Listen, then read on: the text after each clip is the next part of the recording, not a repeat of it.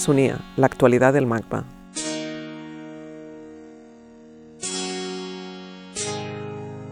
Antoni Herbás se considera un trovador y siempre ha soñado con ser pinchadiscos de Bollywood. Fue educado en un colegio en el que una profesora visionaria quiso convertir a sus alumnos en una compañía de musicales. Conocer su biografía es entender mejor su trabajo. Su obra se identifica con el dibujo, un dibujo que él define como elástico y mutante, capaz de absorber otras disciplinas. Herbás documenta historias que parten de batallitas y de lo autobiográfico y que tienen la voluntad de convertirse en universales. Su metodología de trabajo pasa por la acumulación de datos y la investigación poco ortodoxa y en apariencia absurda. En sus proyectos, las historias individuales y la memoria oral se mezclan con las tradiciones locales y la mitología clásica, en una histriónica mezcla de realidad, distorsión y ficción. Pese a que estudió Bellas Artes, Antonia Herbás cuenta que su entrada en el mundo del arte fue por la puerta de atrás, distribuyendo sus fanzines en librerías.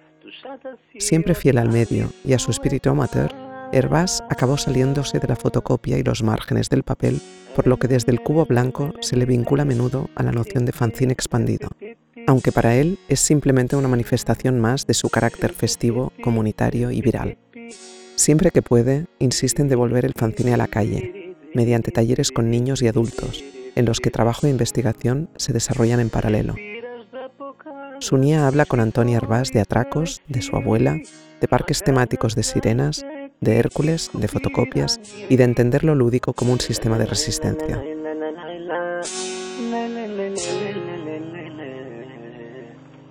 Pues nada, soy Antonio Herbás y trabajo sobre todo con dibujo. Entonces entiendo el dibujo como algo muy, muy amplio. Eh, me gusta pensar que es algo muy elástico que es capaz como de absorber todas las otras disciplinas y llevarlas como a su terreno. Entonces, desdibujar un poco los límites de este dibujo, de lo supuesto que son sus límites, ¿no? que mucha gente lo entiende como algo muy básico y como algo muy simple que todas las otras disciplinas lo usan para su beneficio e invertir todos estos roles y entonces decir, no, no, no. En realidad esto dibujo puede absorber baile, performance, escultura, todo y entonces ahí ando, ¿no? Como investigando un poco hasta dónde me llega esto y hasta dónde muta mi dibujo a través de todas las experiencias que se van sumando y van...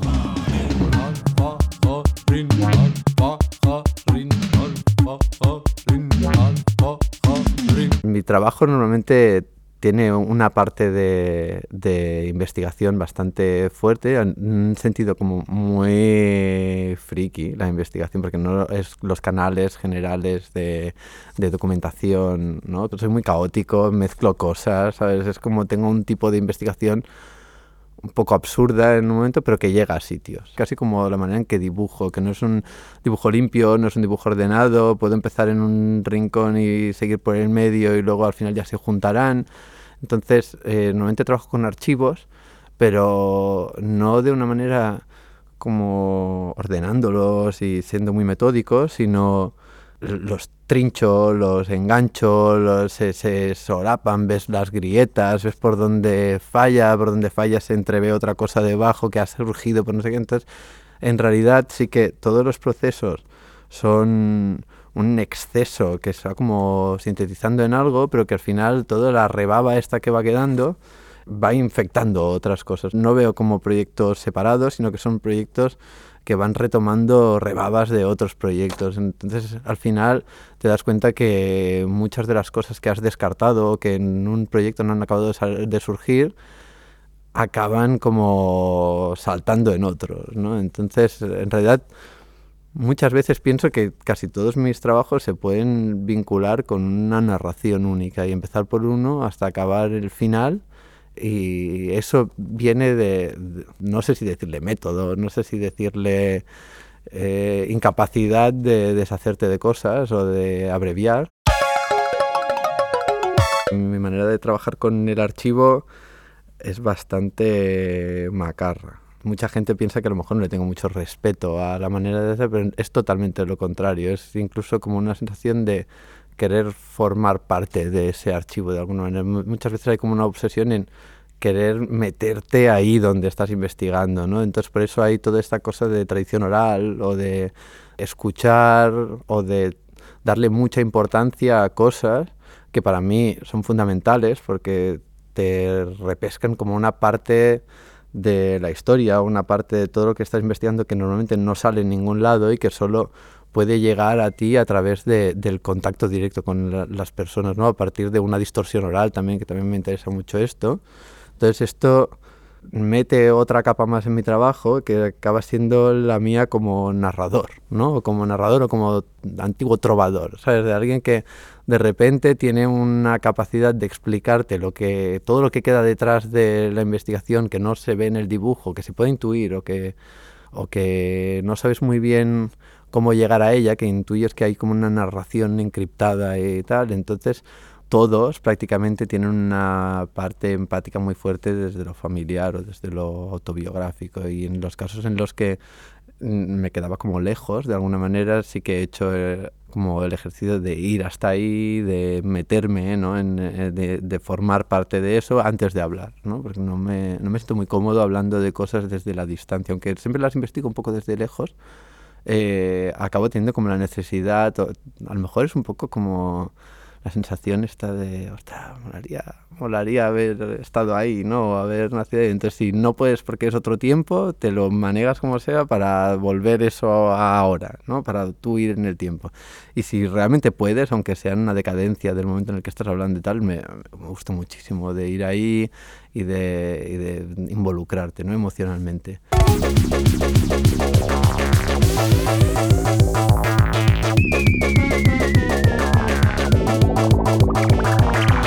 Así hablar como una especie de inicio, ¿no? de, la narración esta que encadena todo, yo creo que vendría, vendría un poco de la escuela en la que estudiaba, que era una escuela pública que tenía una obsesión muy gorda por las tradiciones locales.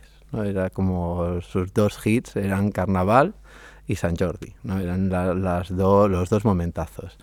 Entonces, realmente Carnaval es una cosa muy loca lo que pasaba ahí en, la escuela, porque había Rosa, que era una profesora, que en teoría era la que estaba encargada de dar música a, toda la escuela, y ella era una apasionada de los musicales y convenció a toda la escuela de que no, que no íbamos a estudiar música, que iba a transformar toda la escuela en una compañía de teatro musical.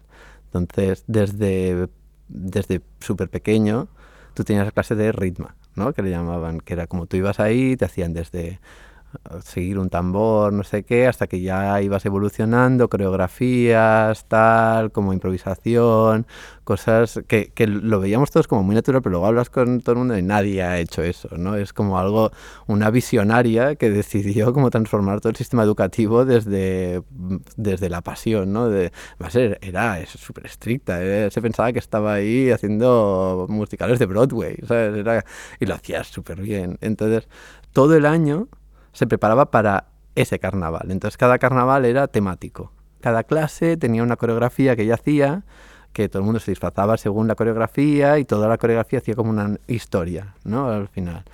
Entonces, bueno, yo creo que, que esto de alguna manera fue una de las partes que me ha inducido a, a este tipo de trabajo, ¿no? De, de la necesidad de estar involucrado físicamente en las historias ¿no? que cuentas, porque realmente baile y dibujo y todo esto tiene algo como, que no, no, digo nada nuevo, pero que sí que todo pasa por el cuerpo, tiene un punto como muy vivencial y a la vez de, de la pasión del amateur, ¿no? de todos de repente éramos frutas bailarinas y, y era, era muy guay.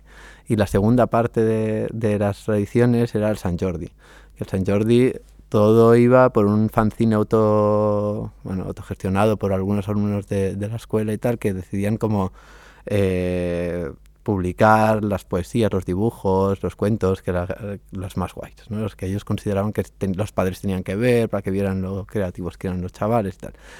Y, sobre todo eran esas portadas hechas también por alumnos que eran fantásticas, ¿no? Que tenían una cosa gráfica horrible y chulísima a ver. Entonces yo me moría por estar ahí, ¿no? De, ah, tengo que publicar ahí algo. Entonces, eh, bueno, pues desde ahí viene un poco la, la pasión por, por, los fanzines y así.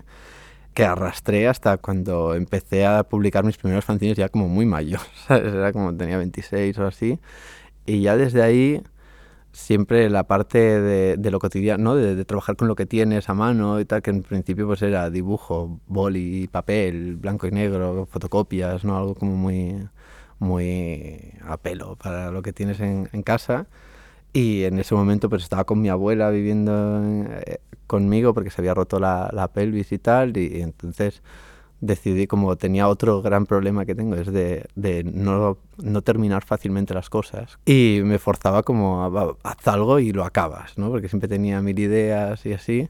Dije, va, una cosa muy sencilla, que es el día que mi abuela y yo vimos Cabeza Borradora, ella le flipó y se quedó como fascinada. Ella iba al médico después y mientras estaban haciendo el chequeo, pues decía, ¿has visto cabeza borradora? Que se pensaba que esta señora no iba por una cosa de, pelvis, iba por una cosa de cabeza, ¿no? De esta señora se le va un poco y imitaba a los protagonistas mientras estábamos ahí. Entonces yo decidí que esto era una historia fantástica como para explicar en algo muy, muy cortito. ¿no? Y entonces ahí empezó a encadenar que me sentía muy cómodo en este formato de lo oral, de lo autobiográfico, pero porque era realmente me, me cuesta muy poco hablar de cosas que conozco físicamente. Tengo como una especie de atracción porque te pasen ciertas cosas extrañas no extrañas, pero a lo mejor le ves tú la risa una cosa que normalmente la gente no, no le presta atención, ¿no? que puede ser como un atraco, como hablábamos, ¿no? de cómo de repente estás un día, te mueres de ganas de poder dibujar, pero estás currando en un sitio horrible y dices, ¿cómo puedo saltarme de aquí?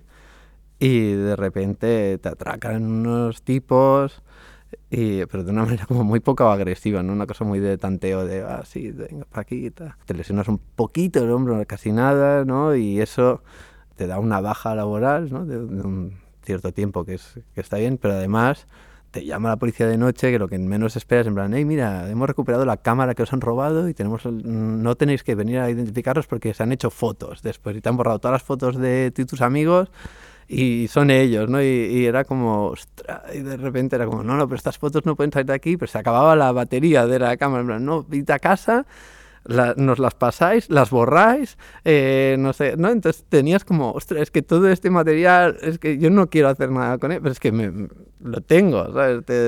tengo que darles gracias de, de, este, de este gran momento. Supongo que de una manera inconsciente tomé como dos decisiones en ese momento, ¿no? En ese decidir con qué trabajas y fue como trabajar con lo básico, cotidiano, lo cercano y no ir a buscar más allá, ¿no? porque había como otras, otras opciones.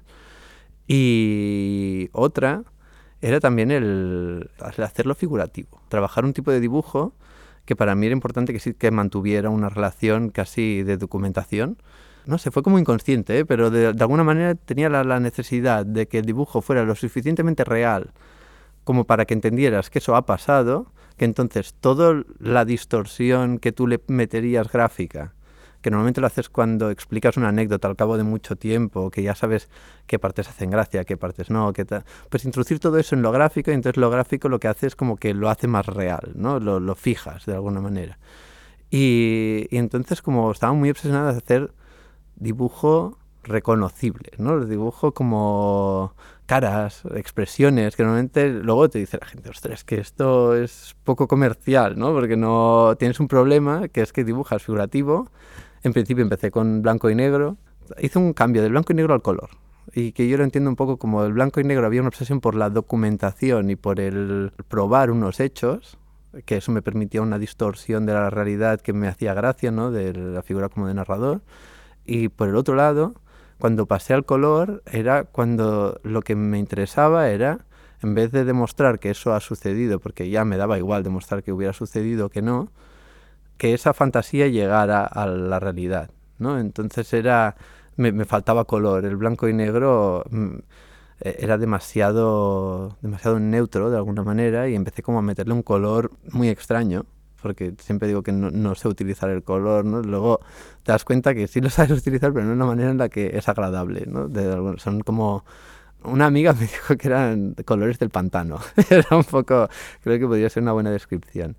Y en esta explosión del, del color, ¿no? Pasé de, del San Jordi, que sería el blanco y negro, ¿no? De la documentación, de, de las historias, de lo que quieres que se vea que sea ¿no? de la fantasía pasada a escrito y tal, al fanzine ese de pequeño. Y en cambio el color sería fantasía, ¿no? Sería cuando ya pasas al carnaval, al disfraz, a la compañía de teatro esta. Un papacharán y un trozo de pizza. Esta compañía de teatro gigante, ¿no? Que era la escuela, me provocó, por ejemplo, una fascinación muy gorda con un parque de atracciones que luego fue un proyecto que era Wikiwachi, que es un parque de atracciones sobre sirenas. Y entonces un señor en los años 50, que se llamaba Newton Perry, tuvo esta cabeza visionaria, como tuvo mi, mi, profesora, ¿no? en convertir una pequeña población de muy pocos habitantes en medio de Florida, cuando no había nada ahí, solo buen tiempo y, y tal, en un parque de atracciones tomando como la figura de la sirena como símbolo. ¿no? Entonces transformó a todos los adolescentes de, del lugar enseñándoles a sumergirse, porque era muy buen nadador y era, amigo, era el mejor amigo de Tarzán, del Weissmuller, que se fue ahí a vivir también. Entonces les enseñó a todos a bucear, a, a, hacer como coreografías bajo el agua y transformó todo un pueblo pescador en sirenas y tritones. Entonces a mí eso me flipa, ¿no? Porque lo, lo, veía como muy cercano a mí, es en plan, yo, yo hubiera sido, evidentemente, sirena, ¿no? Me hubiera metido ahí, a la, con, me viene Newton Perry y me dice, sumérgete, pues claro, pues vamos, ¿no? Es como... Entonces, bueno, pues toda esta cosa que empezó así como algo de una visión de un señor que acaba convenciendo a todo el mundo, ¿no?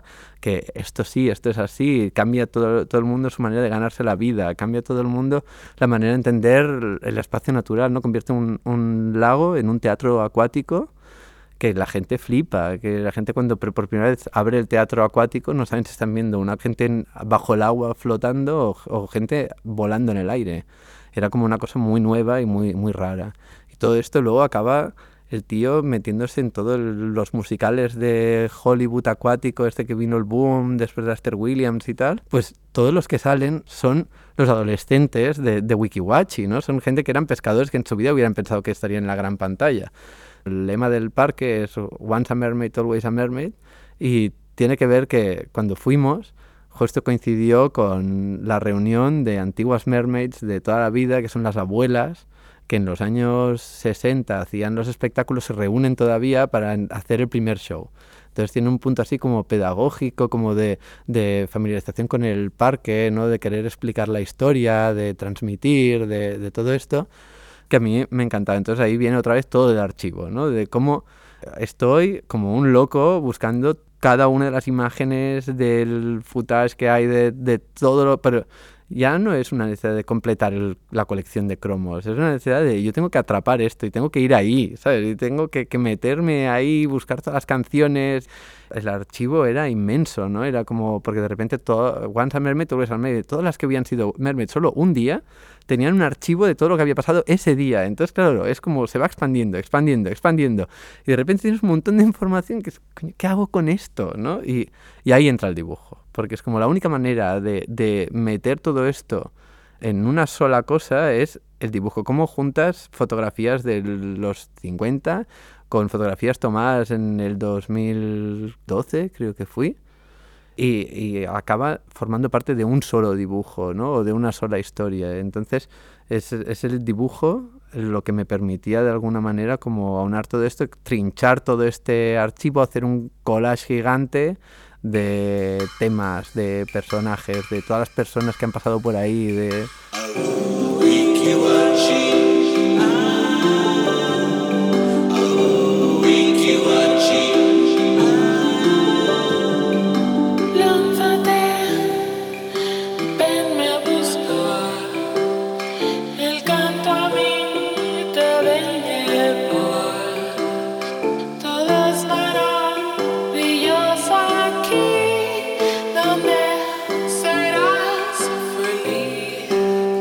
para hablar de, de, lo mitológico, ¿no? que siempre es algo que acaba apareciendo en, en algún momento, creo que me, me, funciona muy bien abordarlo desde, desde, un proyecto concreto, que es Hércules en la Luna, que es un, un proyecto que hice para un ciclo que, que comisariaba Amanda Cuesta para el Spy Cultural Caja Madrid. Entonces, me interesa mucho hablar desde lo personal, ¿no? y hacerlo de alguna manera casi universal, de algo que es tan anecdótico, algo que es bobo, ¿no?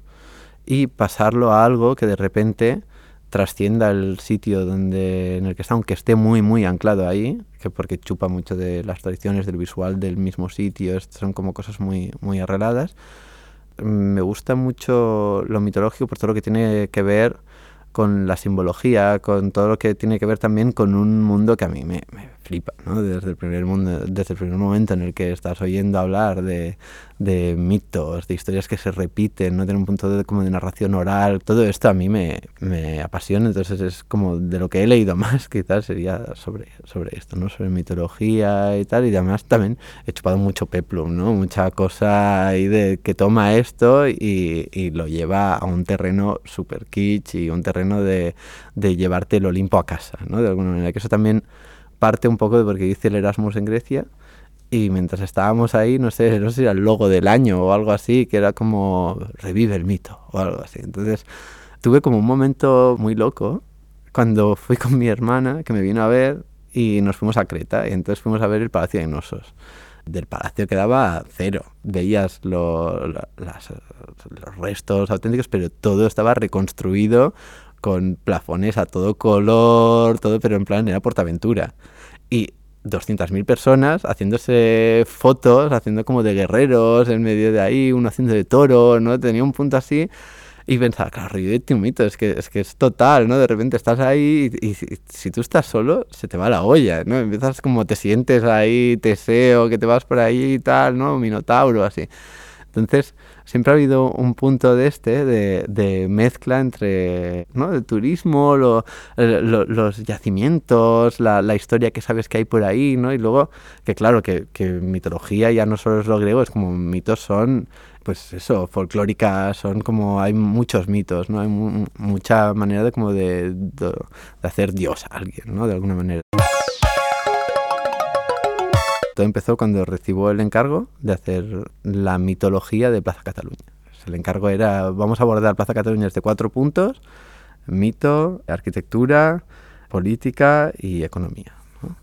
A mí me tocó la parte mitológica y nada, yo normalmente siempre iba a mi fuente de conocimiento máximo, que era mi abuela, ¿no? que era como, ya, ya, mira, tengo que hacer algo de Plaza Cataluña y entonces se me puso a cantar una canción verde que me hacía mucha risa, que, que, claro, y me decía, pues hazlo de esto, ¿sabes? Entonces era una canción que hablaba de, de, una chica que va a ver la luna, está todo lleno porque todo el mundo quiere ir ahí, para poder verla pues se sube a una farola y hay como un coro que le va diciendo, bueno, que, que hay un chico que hay abajo que le ve las bragas, ¿no? Entonces le dice la yuna con play. Entonces el coro le va diciendo, tócali, tócali, tócali, tócali, ¿no? Entonces es como su lucha entre ir a tocarla o no, tal. Entonces, claro, tiene un punto así picantón, ¿no? Y como gracioso que luego al final vi que tenía mucho más sentido de lo que me había pensado en el principio, ¿no? Y acabó siendo como el eje central de, de, todo. Entonces, en ese proyecto que se formalizaba como si fuera un teatro en tres planos,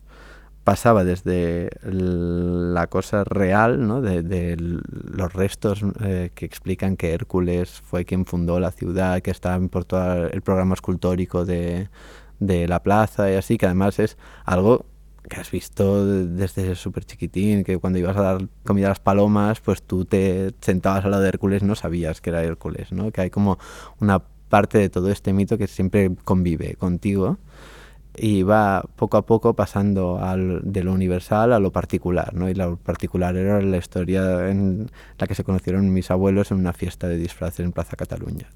Entonces tenía todo este punto que acababa mezclando un poco estos dos mundos, ¿no? Que me, que me apasionan. La historia general que, que acabas conociendo porque hay como ciertos mecanismos que, que te los traspasan y luego otra que es como el mito aplicado a lo micro, ¿no? A, de repente dos personas reviven esa historia y a lo mejor se queda todo en unas cartas que se mandaron, ¿no? Todo toda la parte de, del ligoteo de mi abuela y mi abuelo pues está todo en un archivo de mogollón de cartas que se mandaban uno al otro, que uno estaba en la guerra y, ella estaba trabajando en, una zapatería, ¿no? Entonces es como dos personas que se quieren ver pero no se ven porque no, no, coinciden por horarios, la noche y el día, ¿no? Entonces, bueno, hay como mucho simbolismo de este así que tiene que ver, pues eso, también con, con los dos personajes que en teoría, según Verdaguer en la Atlántida, son los que hacen que Hércules llegue a, a la ciudad, que es su amante Ilías y la ninfa. Entonces, una es agua, el, eh, el otro pues, eh, o sea, sol, luna, hombre, mujer, tal. Entonces va Hércules a buscarlo, ¿no? Porque quiere recuperar a su amante.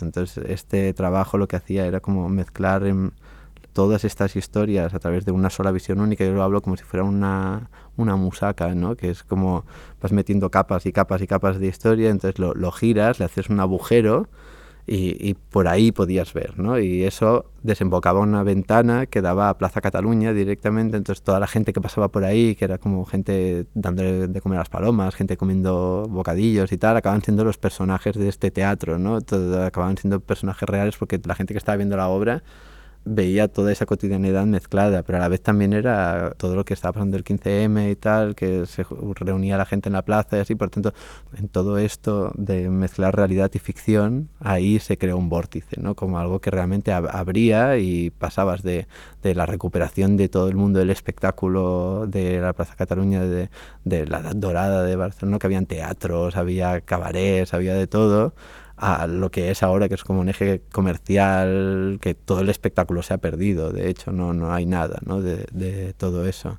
Era como devolverlo y, y, y, a la vez como sin perder la, la, distancia de lo que estaba pasando en ese momento, ¿no? porque también me, me parece bien de mirar la realidad desde la fantasía.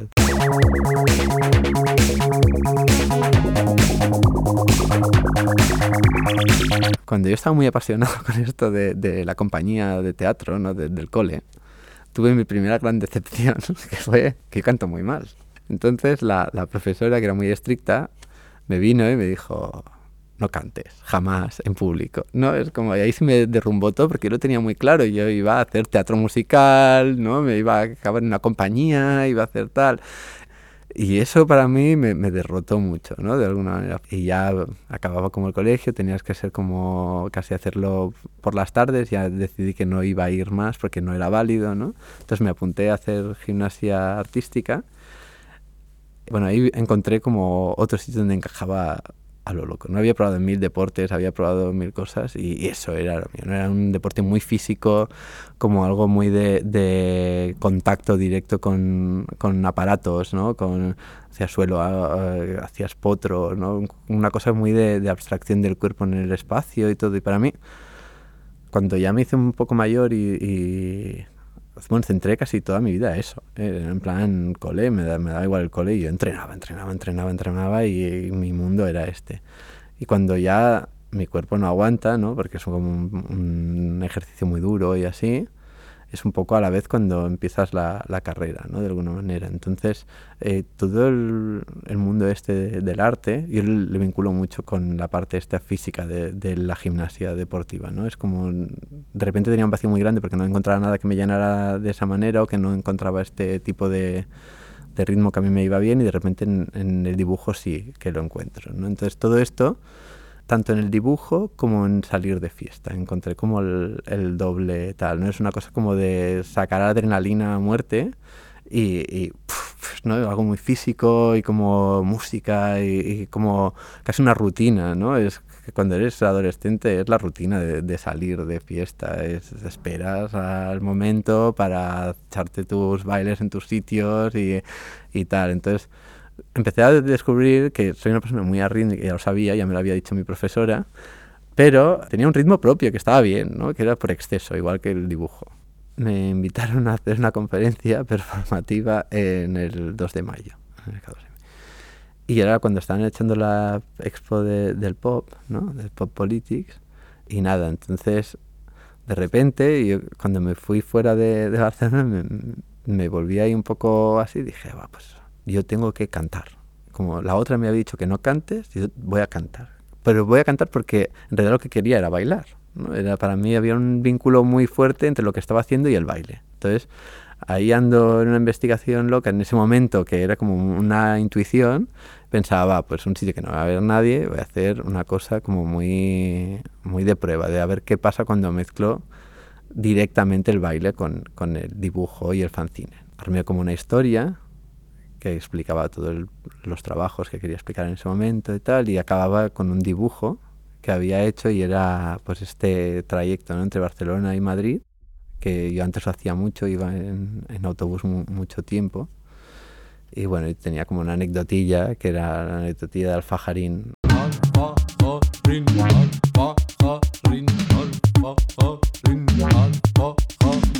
era como el punto medio de, de este autobús, ¿no? Que va y viene y tal y hizo un dibujo sobre las tortugas ninja de Alfajarín, ¿no? como un mito de las tortugas ninja de Alfajarín. Y eso venía porque un día con amigos nos fuimos ahí, nos metimos en el bus nocturno para dormir la mona, ¿no? de, haber estado como en un fin de semana muy intenso y tal.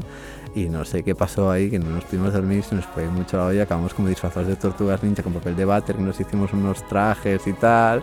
Entonces pensaba, pues si les voy a explicar esta anécdota, pero vamos a hacer que todo el mundo se convierta en la tortuga ninja de Alfajarín y haga una conga, ¿no? Por el auditorio, como si fuera...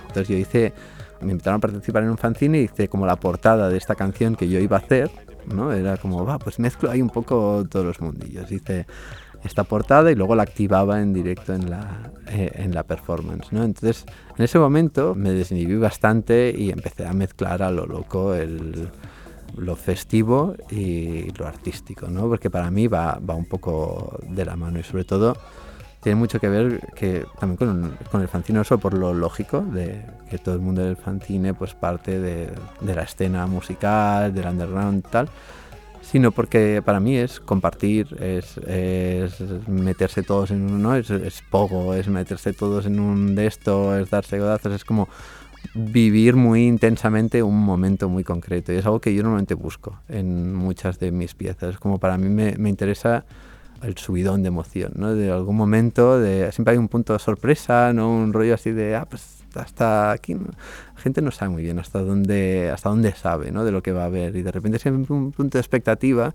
que también tiene que ver mucho con lo festivo ¿no? que la expectativa de la fiesta tiene un punto de vale sabes a lo que vas pero no sabes lo que pasará ¿no? en ese momento aunque hay ciertos parámetros lógicos de lo que va a pasar pero ahí ando ¿no? de, de esta entrega física a algo lo tienes en la fiesta, lo tienes en el baile, lo tienes en el dibujo tú a lo personal, cómo hacer traspasar todo este machaque físico tu directo con, con, el espectador, ¿no? De mezclar todo y de convertir todo como una pista de baile de alguna manera. Ocho horas, ocho horas más en Soy alguien que no me considero como muy formado en nada, ¿no? Es como soy bastante torpe en muchas cosas y lo que sí que hay es como una cosa de, muy de insistencia o de pasión, ¿no? de, de algo que realmente me, me gusta por lo que eso implica, ¿no? De. Entonces, dentro de todo este mundo, ¿no? Acabé topando con el mundo talleres, ¿no? Claro, sobre todo fue Jordi Ferreiro que me dijo, ostras, pues tu trabajo, me invitó a hacer un, taller con niños, ¿no?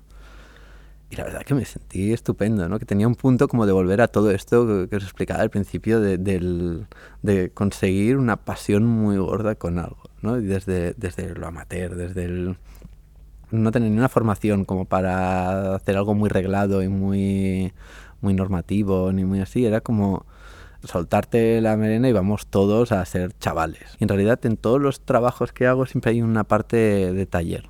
No me siento cómodo en la sensación de taller de profesor-alumnos, sino que como yo me considero bastante negado o inútil en muchas cosas, me siento bien formando parte del, de la claca. Entonces yo propongo algo como una situación de punto de partida en la que te metes en el barro con la gente que está.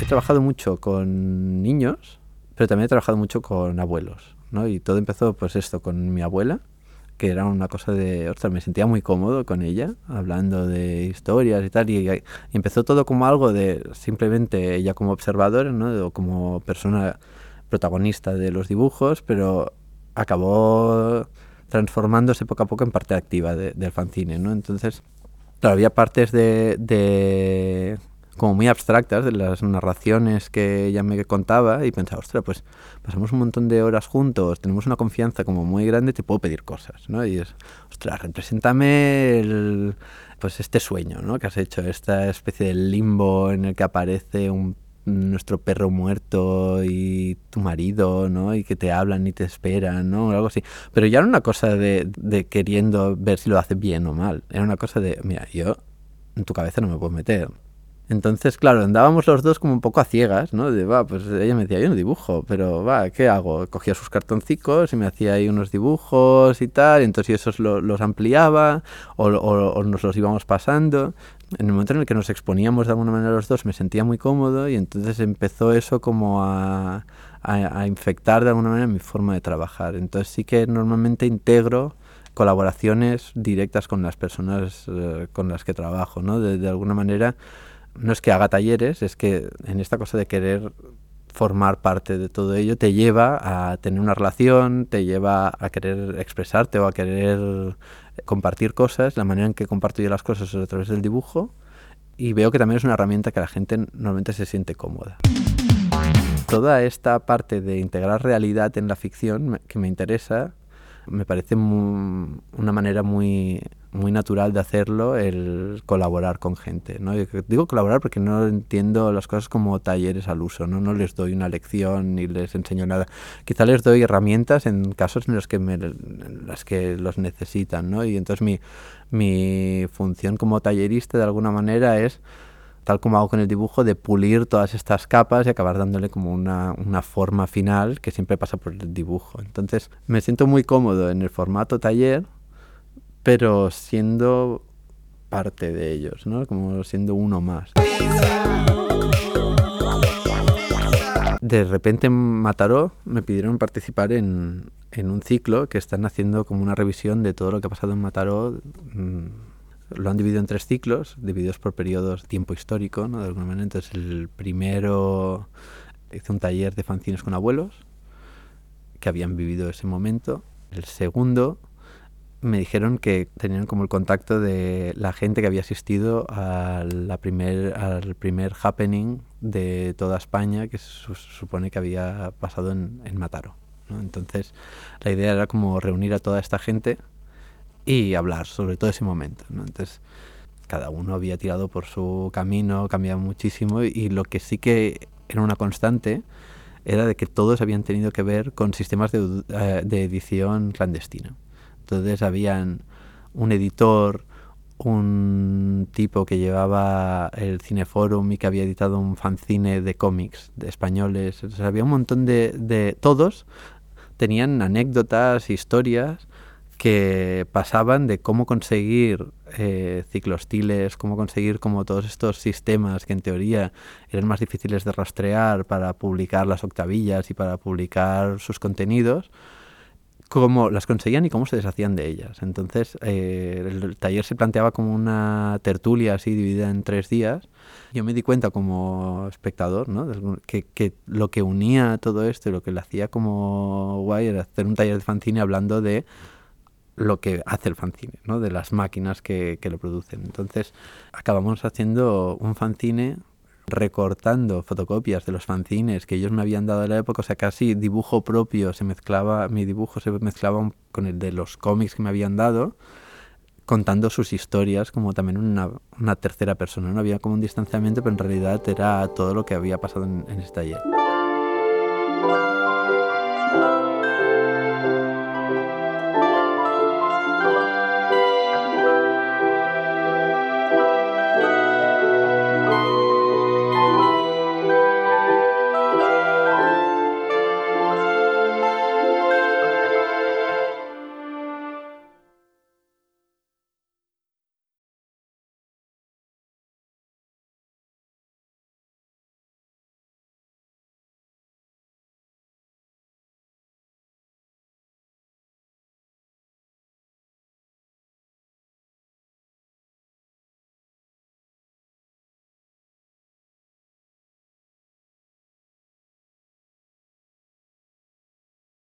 Les aventures de la Montse Banana, la negra catalana.